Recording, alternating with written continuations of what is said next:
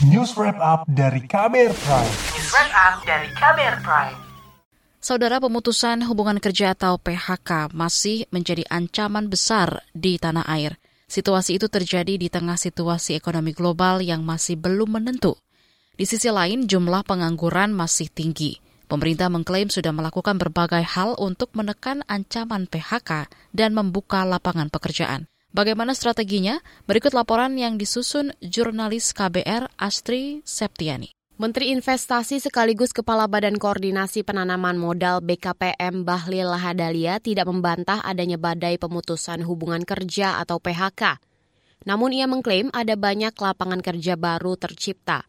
Apalagi realisasi investasi pada 2022 mencapai 1.207 triliun rupiah atau melampaui target 1.200 triliun rupiah. Bahwa ada lapangan pekerjaan yang kena PHK sekian, katakanlah data itu kalau itu benar, tapi juga ada lapangan pekerjaan yang kita ciptakan dari sektor uh, 1.207 triliun sebesar 1.300 dan dari dari sektor UMKM ada kurang lebih sekitar 7 juta. Jadi ada yang pergi, banyak juga yang datang gitu. Menteri Investasi Bahlil juga menyebut investasi di sektor usaha mikro, kecil, dan menengah atau UMKM menembus 318 triliun. Menurutnya, sektor UMKM menciptakan lapangan kerja yang tinggi. Sementara itu, Menteri Koordinator Bidang Perekonomian Airlangga Hartarto memaparkan beberapa strategi pemerintah untuk menekan badai PHK di Indonesia. Airlangga mengatakan pencegahan risiko potensi PHK ini menjadi perhatian dari Presiden Joko Widodo. Ia mengatakan pemerintah akan mendorong belanja pusat dan daerah untuk menggunakan produk dalam negeri. Jangka menengah perbaikan struktural di industri hulu ke hilir mulai rantai pasok, SDM, R&D, dan akses pasar, terutama juga uh, mempercepat perjanjian SEPA, termasuk SEPA Eropa, dan juga beberapa uh, kerjasama dari pasar non-tradisional. Airlangga Hartarto mengatakan, Presiden Jokowi juga telah meminta pemerintah pusat dan daerah mengoptimalkan belanja pada program padat karya, baik di desa maupun di kota. Selain itu, perlu perluasan kerjasama dengan pemerintah negara lain untuk program kerja migran. Belakangan, Kementerian Tenaga Kerja memperbolehkan pengusaha memangkas upah pekerja hingga 25 persen. Aturan ini khusus bagi pengusaha industri padat karya yang berorientasi ekspor. Alasannya, untuk membantu perusahaan yang terdampak ekonomi global untuk meminimalkan PHK besar-besaran.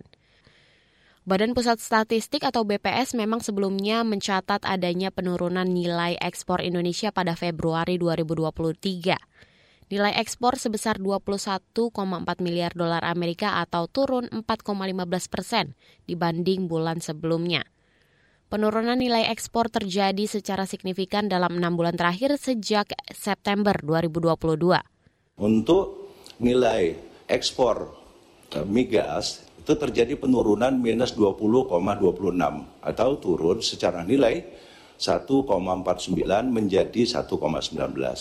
Sementara untuk ekspor non migas turun dari 20,83 miliar US dollar menjadi 20,21 miliar US dollar. Di sisi lain, Badan Pusat Statistik atau BPS juga mencatat pengangguran Indonesia menembus 8,42 juta orang dengan tingkat pengangguran terbuka atau TPT per Agustus 2022 mencapai 5,86 persen. Wakil Presiden Ma'ruf Amin mendorong pemanfaatan Balai Latihan Kerja atau BLK dioptimalkan sebagai salah satu sarana menciptakan tenaga kerja yang berdaya saing. Perluasan pendirian BLK komunitas hingga menjangkau ke seluruh pelosok tanah air tentu akan memudahkan kelompok usia angkatan kerja dalam mengakses pelatihan kerja. Selain untuk menekan angka pengangguran, Penguatan dan perluasan pelatihan vokasi melalui BLK komunitas utamanya diharapkan untuk mampu menciptakan pekerja terampil sekaligus berdaya saing. Direktur Eksekutif Lembaga Kajian Ekonomi KOR Indonesia, Muhammad Faisal, menilai tingginya realisasi investasi di tahun lalu juga belum maksimal menekan angka pengangguran di tanah air. Menurut Faisal, hal ini dikarenakan sebagian besar investasi tahun lalu cenderung menyasar padat modal. Padahal, pembukaan luas lapangan kerja bakal lebih besar jika investasi diprioritaskan pada sektor padat karya. Ya, kalau kita kalau pemerintah ingin mendorong investasi yang punya korelasi kuat terhadap penciptaan lapangan pekerjaan bagaimana kemudian arah investasi ini juga punya porsi yang besar terhadap uh, penciptaan lapangan pekerjaan. Jadi sektor-sektornya sektor-sektor padat karya ini tetap harus menjadi perhatian hmm. ya. Tapi kita juga tidak bisa memang mengesampingkan masalah teknologi ya. Karena kebanyakan investor-investor ya tentu saja mereka akan meningkatkan uh, profit, mendorong efisiensi.